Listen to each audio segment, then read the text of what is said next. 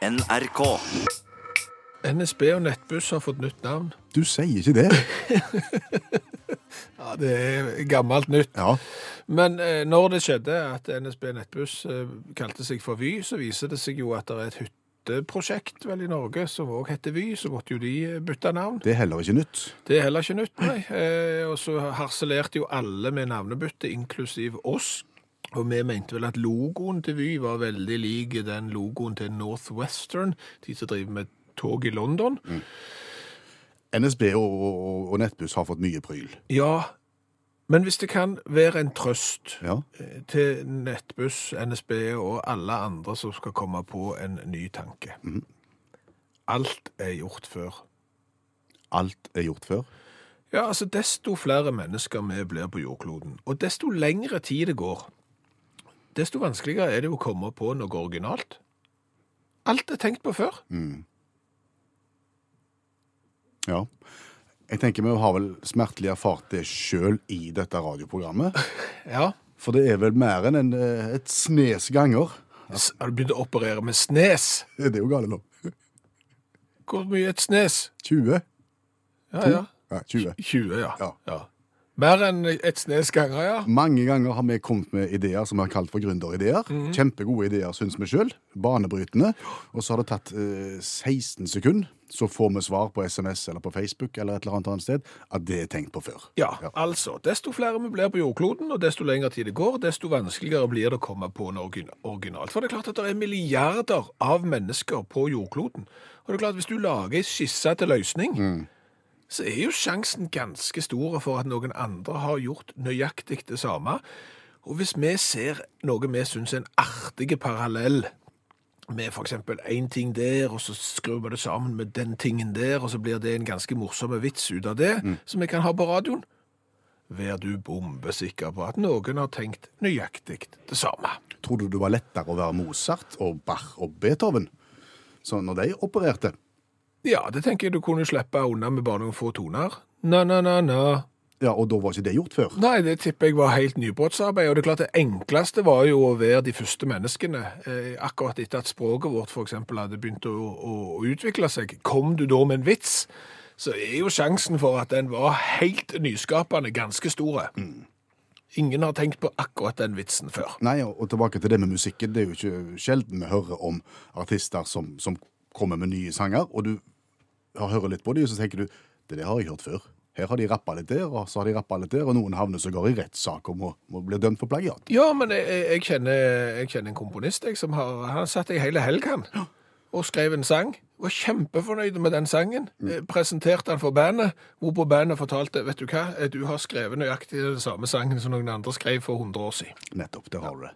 Det er jo en myte som sier at, at han som var eh, leder av et eller annet patentstyre i USA tidlig på 1900-tallet, sa at eh, nå er alt egentlig funnet opp, så nå trenger vi ikke finne opp mer ting. Og jeg ville legge ned patentkontoret, for nå, nå var det liksom nå, Nå- er det ikke mer å finne opp. Nei.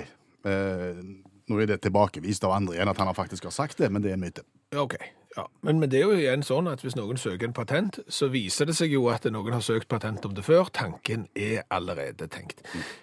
En litt annen artig parallell til at alle tanker er tenkt før, det er det at for alle framskritt vi gjør, absolutt alle framskritt vi gjør på, på jorda nå, de bruker materialer og virkemidler som har eksistert siden tidenes morgen. Altså, vi bruker ingredienser for å lage flatskjermer, for å lage datamaskiner, for å lage biler som kjører av seg selv. Vi bruker ingredienser som var tilgjengelige når folk satt i eh, hulen sin og, og, og spiste mammut og tegnte med fingeren på huleveggen. Hvor, så hvor skal det ende, tenker du? Nei, hvor skal det ende? Jeg tipper at vi bare gir opp her og nå, Per Øystein, og bare konstaterer at det går ikke an å komme på noe nytt. Vårt oppdrag nå videre som mennesker, det må være å forvalte det som allerede finnes der på best mulig vis. Hvis du har lest en bråde med nettaviser i dag, så har du gjerne fått med deg at den polske frisøren Aaron Kosminski er Jack the Ripper. Jack the Ripper, det var han massedrapsmannen som raste rundt i London, Ja, og som en veldig lenge har lurt på hvem er. ja, på slutten av 1800-tallet. Det har vært lagt ca. to milliarder filmer, x eh, antall millioner dokumentarer, x antall avisartikler, der det har vært spekulert hvem i all verden er Jack the Ripper. Og nå har eh, rettsmedisinere konkludert med at det må være den polske frisøren Kosminski. Har de forska mye på dette? Ja, de har jo det. Og det er jo litt rart at du bruker såpass mye tid eh, på et, eh, en drapsbølge på slutten av 1800-tallet, og så bruker du kanskje desto mindre tid eh, på eh, kriminalitet som foregår den dag i dag. Oi sann. Ja, det var på grensen til, Brannfakkel? til, til, til, til brannfakkel. Men i kjølvannet av denne saken her, Ja. så havna jeg oppe i en podkast, en engelskspråklig podkast. Hør på den. In the summer of 1853, in the cavernous dining room of Moon's Lake House in Saratoga Springs, New York. Hva er det damen snakker om? Eh, Hun snakker ikke om drap og, og, og Jack the Ripper, hun snakker om potetgull. Om potetgull. Ja, for du ser, det er ikke bare Jack the Ripper som har fascinert eh, forskere, og som forskere har brukt mye tid på å finne ut eh, hvem egentlig det var som sto bak. Det er forskere nemlig som har brukt ganske mye tid på å finne ut hvem var det nå egentlig som sto bak potetgull òg. Chipsens opprinnelse. Ja. OK. Ja. Hva har de funnet ut, da? Ja, hva har de funnet ut? For det var denne podkasten jeg havna oppi da, fordi at historien er som følger. Myten eh, bak potetgullet er som følger. At sommeren 1853 så satt der en rik dampskipseier, Cornelius Vanderbilt, på en restaurant, Moon Lake House i Saratoga Springs i USA. Og på kjøkkenet, der sto kokken. George Crum heter han. Han var halvt eh, afrikaner og halvt indi... Nei, det heter ikke Native American, altså urfolk i USA. Han var halvt av de. Eh, og så skulle han da lage dette måltidet, og Cornelius Vanderbilt, han hadde bestilt pommes frites. Ja. Og så ble jo middagen servert til Vanderbilt, med pommes frites og alt som skulle til, men eh, Vanderbilt han syntes at de her pommes fritesene de var forferdelig tjukke. Han likte de ikke, han sendte de tilbake igjen. Hva sa kokken da? Da ble jo han han ble uggen, Ja. for å si det fint. Han tok ikke den kritikken eh, godt, så han tok disse her potetskivene, og så barberte han de omtrent med barberhøvel, og gjorde de så tynne som overhodet mulig. Nå skal han vise Vanderbilt at nå skal du få tynn potet. potet. Og så frityrstekte han de, og så serverte han de, og så likte jo Vanderbilt dette bedre enn noen hadde smakt før, og vips, så var chipsen kommet. Ah, og det har vært den gjeldende forklaringen, den gjeldende historien? Det har vært den gjeldende historien helt til nå akademikere og forskere har kommet på banen, litt som i forbindelse med Jack the Ripper. De har gått denne historien etter i sømmene. Og så var det ikke sånn allikevel? Nei, fordi at dette skal ha utspilt seg i 1853. Da var jo selveste Vanderbilt i Europa. Å ja. Det var- feil nummer én. Feil nummer én. Eh, Disse her folka som eide denne restauranten i Saratoga, de kjøpte ikke den restauranten før i 1854. Feil to. Mm. Det viktigste kanskje av alt er at når du da serverer chips, sprøstekte poteter i 1853, så er ikke det noe nytt. Det er gjort før. For allerede i 1849, fire år før, så har eh, avisa New York Herald skrevet en artikkel om kokken Elisa, som er viden kjent som hvis potetstekende rykte er en av de fremtredende sakene til Saratoga. Ha. Enda en feil.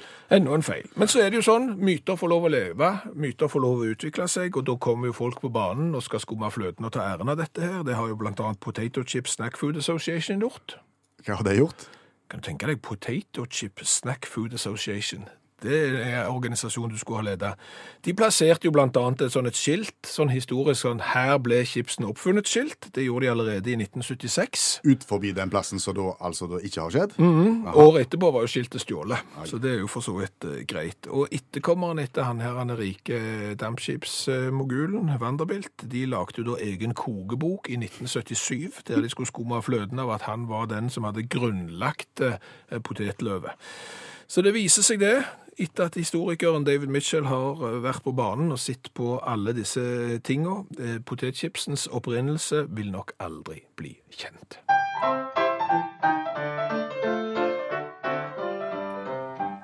Med dagens revyvise. Ja, blir ost bedre av å bli eksponert for musikk? Om Ost smaker bedre hvis han blir eksponert for musikk under modning. aner ikke. Nei, det, ja, det har jeg lagd en revyvise om. Har du lyst til å høre den? Ja.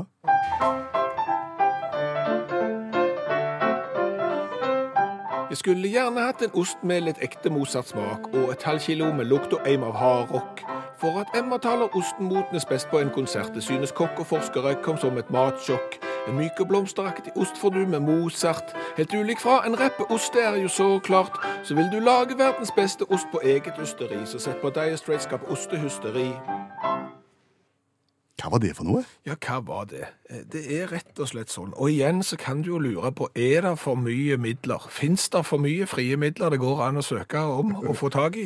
Men sveitsiske kokker og forskere har da prøvd å eksperimentere med å utsette emmentaler-osten. Det er en sånn en sveitsisk, nesten på grensen til nasjonalost, Ja. for forskjellige typer musikk under modning. Da. De har utsatt de for disse musikkstykkene her. All the time, tip. You're on point five. All the time, tip. So then grab the microphone.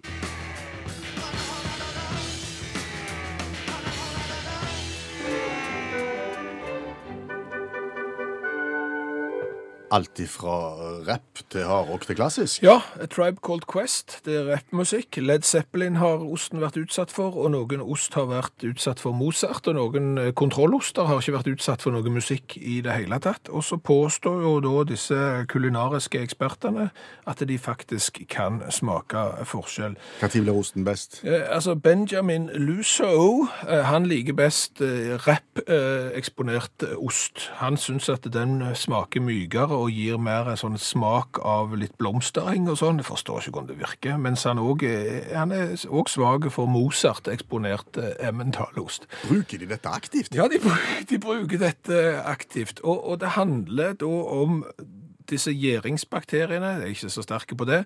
Og så handler det òg om at musikken utløser vibrasjoner og forskjellig lufttrykk. Og det er klart rapp-uttrykket eh, er nok mer brutalt enn Mozart og gir et eh, sånn pumpelufttrykk, men, mens dette Og nå, nå, Dette har de gjort på Bern universitetet, så det er jo ordentlig.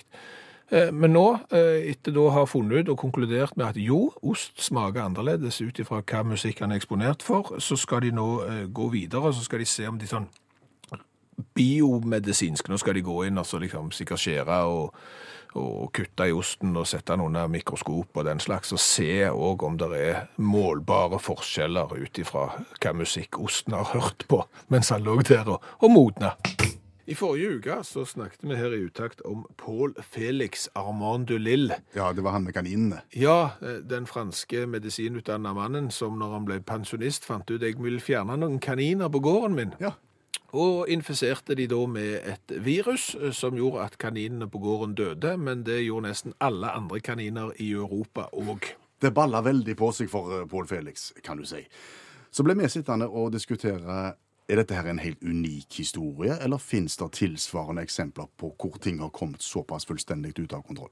Eskalert, for å si det fint. Og vi har jo ikke greie på sånn, Nei. så da eh, kaller vi inn eskaleringsekspert, eh, allmennlærer med to vekttall i musikk, Olav Hove. Tilsvarende eksempler? Å ja, det finnes massevis. Og hvis du er redd for en eskalering, så skal du alltid tenke på Tony Marino og vennene hans. Aha. Og da skal vi tilbake til 30-tallet i New York, og Tony Marino var bareier og satt en vinterkveld og diskuterte sammen med sin bartender, begravelsesagentkompisen hans Frank Pasca og hans assistent. Og det er en sånn Lucky Luke-begravelsesassistent, kan jeg love. Eh, Men iallfall, de diskuterte hvordan skal vi bli rike. Og da hadde de hørt en historie om noen som hadde, hadde fått en døende mann til å skrive under på en livsforsikringspolise, og dermed casha inn. Så fant de ut at det må vi, må vi gjøre òg. Kjenner vi noen som er litt sjabre? Og da falt øynene på Mike Malloy, irsk immigrant av det tørste slaget, som satt på enden av bardisken, og tenkte hm, han, han Han har én fot i graven og den Oh, andre yes. på bananskall. ja, og så sier jo begravelsesagenten òg at jeg har sett mange folk som har vært sjabre lenge, og det, det går lang tid. Så de bestakk da en doktor for å få sjekka ut Mike Malloy, og han sa han her er i praksis død. Så her, her, dette er safe. Fint, sa de. Kan du skrive en attest på at han er kjempefrisk? Ja visst, bare betal. Så det gjorde han legen. Fikk eh, skjenka opp Mike Malloy kraftigere enn vanlig. Fikk han til å skrive under på ikke én, men tre livspoliser, og dermed så var det bare å vente. Ok, altså For da skulle det bli utbetalt store summer når han eh, da eh, Ja. går fra bordet? Ja, han hadde jo en fot i graven likevel, så dette her gikk jo fint. Men så gikk det ei uke, to, tre, fire, så gikk det en måned. Gikk to måneder, og han Mike Malloy han, han så dårlig ut, men han så ikke verre ut enn han gjorde i begynnelsen. Så de fant ut at OK, vi kan være lite grann kriminelle. Vi gir han fri bar. Så de sa til Mike Malloy du kan drikke så mye du vil her. Noe som han ble fryktelig glad for. Og sette etter historien mange verdensrekorder i brennevinskonsumering utover. Men da visste jo at OK, da, da går det iallfall galt. Så gikk det ei uke, så gikk det to uker, så gikk det tre uker, så gikk det fire uker. Og Mike Malloy han var tørste som søren, men ble ikke verre. Nei, så leveren holdt stand. Ja, Så de sjekka med han legen at, og han legen sa at det er utrolig, altså, etter så mange uker med tungt brennevinsdrikking, så har han lavere blodtrykk, han er bedre i pusten, og han er mye friskere i blikket. Hva gjorde de da? Nei, da tenkte de ok, da må vi bli litt mer kriminelle. Så da tok de, for hver drink han fikk, så hadde de frostvæske oppi. Au. Ja. Så gikk det ei uke, så gikk det to uker, og ingenting skjedde. Så tenkte de vi må skru bitte litt til opp. Så nå har vi oppi frostvæske og terpentin. Stakkar Ja. mann. Så gikk det ei uke, Jeg ser for meg han som sitter på enden av baren der og er litt skjenkt i utgangspunktet, så får han frostvæske til. Den var frisk. Ja, og så, og, så, eh, og så gikk det 14 dager til, og så sa Mike Malloy kom inn og sa 'sugar in the morning', og sa at livet er herlig. Til og med brennevinen smaker bedre nå. Etter de siste ukene syns jeg han er blitt bedre brennevin. Så tenkte jeg nei, nå er det nok. Nå, tek, nå, nå, nå, nå skrur vi hakket opp enda en gang, og så gir vi han Nå, nå må han dø. Så de, de lina opp ti shots med brennevin, som de eh, isatte av alle ting sinksalve for hest og rottegift. Så ga de han et smørbrød med bederva sardiner, godt smør, trelim og metallspon. Og Mike Malloy kjørte på. Og så ja, ja, ja, og fikk noe i tennene. Og, og så eh, besvimte han da, for han jo mye brennevin da. Så da drog de han ut i snøen, kledde han naken, rulla han i ei snøfonn og spylte han med vann. Og venta på dødsattesten. Så gikk det en halvannen dag, så var det 'Sugar in the morning'. Der kom Mike Malloy inn i banen, og aldri følte seg bedre. Så nei, nå vet du hva, vi gjentekes. Så da gjentok shots- og sandwichbehandlingen. Og fikk en taxisjåfør i tillegg til å kjøre over han etter de hadde spylt han med vann. Og så var Mike Malloy vekke. Og ingen fant han igjen. Og så tenkte de vi må jo ha en dødsattest, ellers får ikke vi forsikringspengene. Så de, i desperasjonen etter tre dager så fikk de tak i en ny uteligger. Ga han shotsbehandling og sandwich. Fikk ny taxisjåfør til å kjøre over den ukjente uteliggeren og la fødselsattesten til Mike Malloy, for det er tydelig at uteliggere alltid har fødselsattesten i lommene sine. Og så overlevde han òg. Så gikk det tre dager, og så var det 'sugar in the morning'. Da kom Mike Malloy inn og sa beklagde han ikke hadde vært der på fire dager, men han hadde hatt litt vondt i ei skulder. Til slutt så døde Mike Malloy, da, men disse her guttene ble selvfølgelig tatt, dømt til døden og ble avlivet i en elektrisk stol på første forsøk. Så vær litt forsiktige. Og de sang ikke 'Sugar in the morning'. Tusen takk skal du ha, allmennlærer med tovektig musikk, Olav Hove. Har du merka at eh, når du spiser middag, f.eks., eksempel, så er det enkelte matretter som virker mye varmere enn andre matretter? Og i tillegg så holder de gjerne lenger på varmen enn andre matretter. Ja, det har jeg merka. Jeg har blant annet merka hvis du får den matretten da som virker ekstremt varm i forhold til de andre, det er gjerne den som svir ganen av deg. og, og så må du vente en stund for det at den skal bli kaldere, og så blir han ikke spesielt mye kaldere. eh, Mens andre ting på tallerkenen blir kaldt fort. Og så tenker jeg, altså de, de er jo stekt eller kokt med den samme varmen, så i det øyeblikk du tar det av komfyren eller ut av stekeovnen, så skulle en jo tro at det holdt samme temperatur. Jo, men tror ikke du det er litt sånn eh, at de enkelte eh, ikke matretter, men de, de, de enkelte Ingrediensene. ingrediensene sin iboende egenskap. Det er jo litt som at kleberstein holder bedre på varmen enn laminat. Jo, jo, ok, etter en stund, ja. Ja. Men tenker, i det øyeblikk du får han, så skulle du jo tro at han var like varm, for da har han kommet fra den samme varmekilden med tilsvarende temperatur. Men når du begynner å spise på den måten, så var du, åh, den var varme den. Ja, Mens den opplevdes ikke så varme. ja. Kanskje det er samme fenomen som, som den iboende varmeegenskapen som du snakker om? Ja, jeg skulle gjerne hjulpet deg her. Jeg skulle gjerne kommet med en fasit, men her, her kom jeg til alvorlig kort. Ja, altså, for her er jeg, jeg, jeg er litt i, i gründerland her, jeg, sa du. OK. Nå har vi jo sagt tidligere at det er vanskelig å finne på ting som, som ikke funnet på før. Ja, Men la oss nå prøve. Okay. For hvis du sier at det har med, med ingrediensenes iboende egenskaper, Ja, da ville det jo være smart da å tilsette noen av de ingrediensene. For eksempel hvis du driver med takeaway-restaurant. Altså en form for matsminke som er rett og slett en, en matisolasjon. Ja, det kan du kalle det. At hvis du skal koke opp spagettien din, så i tillegg til å ha litt grann olivenolje, et par eh, teskjeer med salt, så skal du ha en sånn en insulator i tillegg som gjør at spagettien holder seg lenger varm. Ja, en insulator vet jeg ikke om du trenger. For jeg tror kanskje at de produktene fins allerede på kjøkkenet. Jeg, jeg tror det er ingredienser som vi egentlig bruker. Jeg har en følelse av at olje er et tips her. For at olje blir veldig veldig varmt og holder på varmen. Hold olja på varmen. Jeg har en følelse av det. Så hvis at du f.eks. erstatter et eller annet væske med litt ekstra olje, så Ja. tror jeg kanskje at ting vil kunne holde seg varmere lenger. Det er bare en teori. Ja, men, ja, ja. Men, men det er da jeg tenker at hvis det er tilfellet, så må det jo være mulig å tilsette en del sånne ting på takeaway-restauranter der du skal ta med deg maten hjem, og den er jo halvkald når du kommer hjem uansett. Ja, det, det er en veldig god tanke. Eh, Som sagt så skulle jeg gjerne ha, ha hjulpet deg, men la meg nå gjette at uh, der ute, mm. foran radiokabinettet med pledd og pipe, der sitter det noen som har mye mer eh, greie på um, de enkelte bestanddelene i en matretts iboende egenskaper, og, og kan fortelle oss hvordan dette faktisk virker. Ja. Hvilken matrett er det som holder lengst på varmen? Hvilken type matrett? Ost. Hva kan vi dope maten med for å få den til å holde lenger? Og så et siste spørsmål. Hva er det med de matrettene som virker sykt varme med en gang, men som fort blir kalde? Grøt, for eksempel. Det, det her, du kunne hatt eget program om dette. Du kunne hatt sånn egen podkast. En gang i uka, ny episode. Er det varmt, eller er det kaldt? Ved Per Øystein Kvinnesland. Thea Kristine har sendt oss en melding Ja.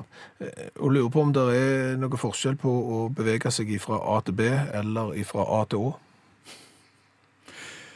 Det er utrolig hva folk kan, kan sitte og grunne litt på. Ja, Men OK, vi må- skal, vi skal ta det. ja, altså Hvorfor sier noen at du liksom fra A til B? Altså, her, her er det, her er det hva heter det, nyanser. Ja, Altså, Hvis at noe eh, skal gjøres fra A til Å, Mm. så er det fullstendig. Da er det alt. det er alt, ja. Fordi at eh, Han, har, han det, hadde kontroll fra A til Å. Ja. Da hadde han kontroll på alt. Ja, det er alt imellom A og Å, ja. For Å er den siste bokstaven i alfabetet. Stemmer. Greit. Eh, Skal du gjøre noe fra A til B, Ja. da er det på en måte på, i direkte linje, ingen omvei. Rett fra A til B. Dette høres ut som du hadde tenkt på før, for dette var jo veldig smart. Men, men bare la oss utlede litt mer av det Kristine sier. For hvis at noe er fra A til Å, da. Ja. Eh, la oss si at eh, hele pensumet er A til Å, eksempel på juss. Ja. Eh, da kommer jo ikke jeg lenger enn fra A til G, Nei. for å si det sånn. Går det an å bruke? Kan du hive inn andre bokstaver her? At du, kan, du kommer bare halvveis, eksempel. Du kommer til, til J, A til J. Ja. Da, Det går, det. Da, da er du en halvstudert røver, på en måte, Ja. hvis i, i studiesammenheng. Ja, men det, det er veldig interessant. Mm. Men det å, å, å, å reise Kan du reise fra A til Å? Nei, det brukes ikke i, i, i den sammenhengen. Nei. Nei. Så, så, men du kan reise fra A til B? Ja, fra A til B reiser du. Ja. ja, ja. Ja, Men du kan ikke reise fra A til Å? Nei. Det forbinder vi med andre ting, ja. Og så har du alfa og omega. Ja, Nå begynner du å hive inn sånne bokstaver òg. Ja, men det er jo litt av det samme. Er det ikke det? Alfa, Omega er jo et fotoapparat. ja, alfa og omega, de to greske bokstaver. Ja. Hva, hva, hvis du sier at er alfa, omega, så og så videre, hva tenker du da? Ja, det er alt. Er det ikke det? Jo. Ja. Men jeg vet ikke hvor omega kommer inn i det alfabetet der. Eh, Alfa er sikkert den første. Omegaen får du i trankapsler. Det er omega 3. Ja, ja, det er Eugenopel. Er det ikke Bil. det? Jo. Ja, nå sklei Nå det. skled det veldig ut. Ja. Ja. Ja, vi burde holdt oss fra AtB. Hva har vi lært i dag? Og vi har lært mye. Så det. Eh, Vi har jo vært innom chipsens opprinnelse, altså potetgullet, potetløvets opprinnelse. For der er det en mytisk historie som viser seg å være feil. Mm.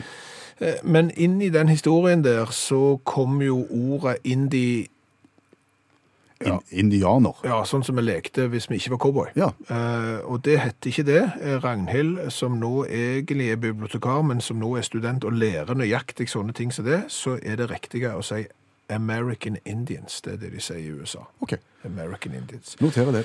Ja, og da var vi jo innom eh, dampskipseier og dampskipsmogul Vanderbilt. Som skulle ha vært grunnleggeren av chipsen i sin tid. Ja, en sentral skikkelse i opprinnelsen til potetgullet. Og da har Tom sagt at hvis han da gikk ifra å drive med dampskip til å drive med chips, så ville vel han da være dampskipseier eller dampskipsmogul. Ja. Det er fiffig. Det er bra. Eh, Bjørn Egil har lært oss en ting. Han har sendt oss en melding. Husk dette at uansett hvor mørkt og trist livet er, så er det alltid lys i kjøleskapet. Det gir perspektiv. Og det bringer oss jo inn på mat, for det har vært snakk om mye mat i sendinga i dag, og vi har lært mye. Annet forskere i Bern i Sveits som har funnet at osten Emmental smaker ulikt ut ifra hva musikktype han har modnes unna, enten det er rap, rock eller Mozart. Og, og, det, og da fikk vi jo et innspill her fra en som, som sier at eh, i, i England så er det en som selger da eh, fisk som er røykt, røykt fisk, eh, som er røykt mens det blir spilt jazzmusikk. Aha. Og dermed er han jo selvfølgelig mye dyrere enn vanlig røykt fisk, for når du røyker fisk med jazzmusikk, så går prisen opp. Og det føyer seg inn i en sånn rekke av eksklusive ting som folk med altfor mye penger kjøper for å vise at de har eh, penger. Så da kjøper du jazzrøykt laks. Ja vel. skal, skal komme på, på det òg. Og så har vi jo fått litt kjeft, selvfølgelig. Sånn må det være. Det er fra Svein, eh, fordi at eh, han eh, påpeker at vi sa pommes frites. Ja, i forbindelse med chipsen i USA. Ja, Vi vet ikke hette det, men det sier vi bevisst feil, for det høres så mye tøffere ut enn alle andre måter å si pommes frites og pomme de terre og forskjellige eh, ting, men på engelsk så bruker de vel mest french fries. Så skjerp dere gutter, sier Svein. Det var herlig å få sagt det. Ja, vi tar det til etterretning. Ja, det er godt. Helt til slutt så har vi også snakket hvorfor er det sånn at noe mat holder seg varmere og fremstår varmere når du tar det ut av stekeovnen enn noe annet. Og så ba vi om hjelp. Ja, og Mathias har jo, kan fortelle det at mat som inneholder masse vann, holder godt på varmen. Derfor er det sånn at ananasen på pizzaen, og eksempel tomaten også som ligger på pizzaen da, fremstår som mye varmere enn resten av pizzaen. Det vet vi alle. Vi har kjent den i ganen. Ananas og tomat i pizza. Når du får den opp i ganen, ja. Oh, oh. Vann holder godt på varme, og det tar lang tid før det blir kaldt. Mathias, hva heter han til etternavn? Matre. Hør flere podkaster på nrk.no podkast.